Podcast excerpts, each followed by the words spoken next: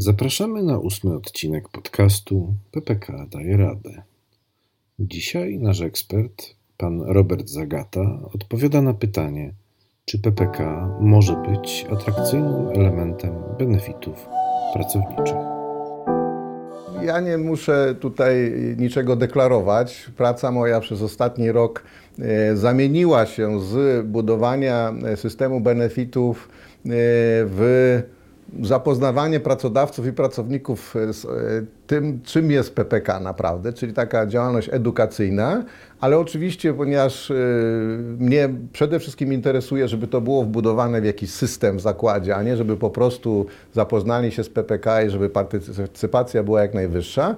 Więc moi klienci już, nie ci, których odwiedziłem e, promując, ale ci, z którymi mam rzeczywiście kontrakt i w których to firmach pracuję, no to w tym przypadku pracujemy nad systemem benefitów, w tym PPK jako jeden z elementów. Więc nie deklaratywnie, ale w praktyce e, realizuje głębokie przekonanie, że PPK jest i może być bardzo dobrym benefitem, e, aczkolwiek trudnym do uświadomienia i pracodawcy, i pracownikowi. Więc tu jest taka dosyć ciężka praca.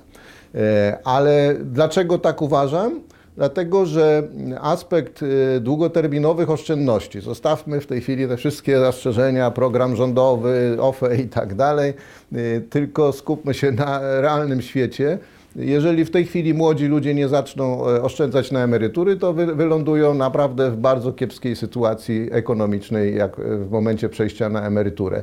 Więc PPK ze swoimi bardzo korzystnymi rozwiązaniami, w sensie ile pieniędzy do każdej mojej złotówki dokłada czy państwo, czy pracodawca, jest e, doskonałym narzędziem długoterminowego oszczędzania. I teraz, jeżeli pracodawca dobrze to zrozumie i w systemie benefitów, nie jako podstawowy benefit, no bo znowu jak jesteśmy w średniej i małej firmie i tam nie ma innych benefitów, być może tylko karta zdrowotna, to jeżeli powiemy, no to teraz dokładamy y, PPK jako benefit, to to się nie udaje. To znaczy moje doświadczenie w tej chwili mówi, że pracodawca widzi to tylko jako pozycję kosztową i jak do swojej składki podstawowej 1,5% ma jeszcze dołożyć procent czy dwa dla pracowników, na przykład w związku ze stażem składki dodatkowej, to mówi, to ja tylko koszty zwiększam. Więc jeżeli się z nim nie pracuje nad systemem benefitów zwiększających lojalność pracowników albo podwyższających szanse na e, zatrudnienie nowych, bo mam atrakcyjną ofertę,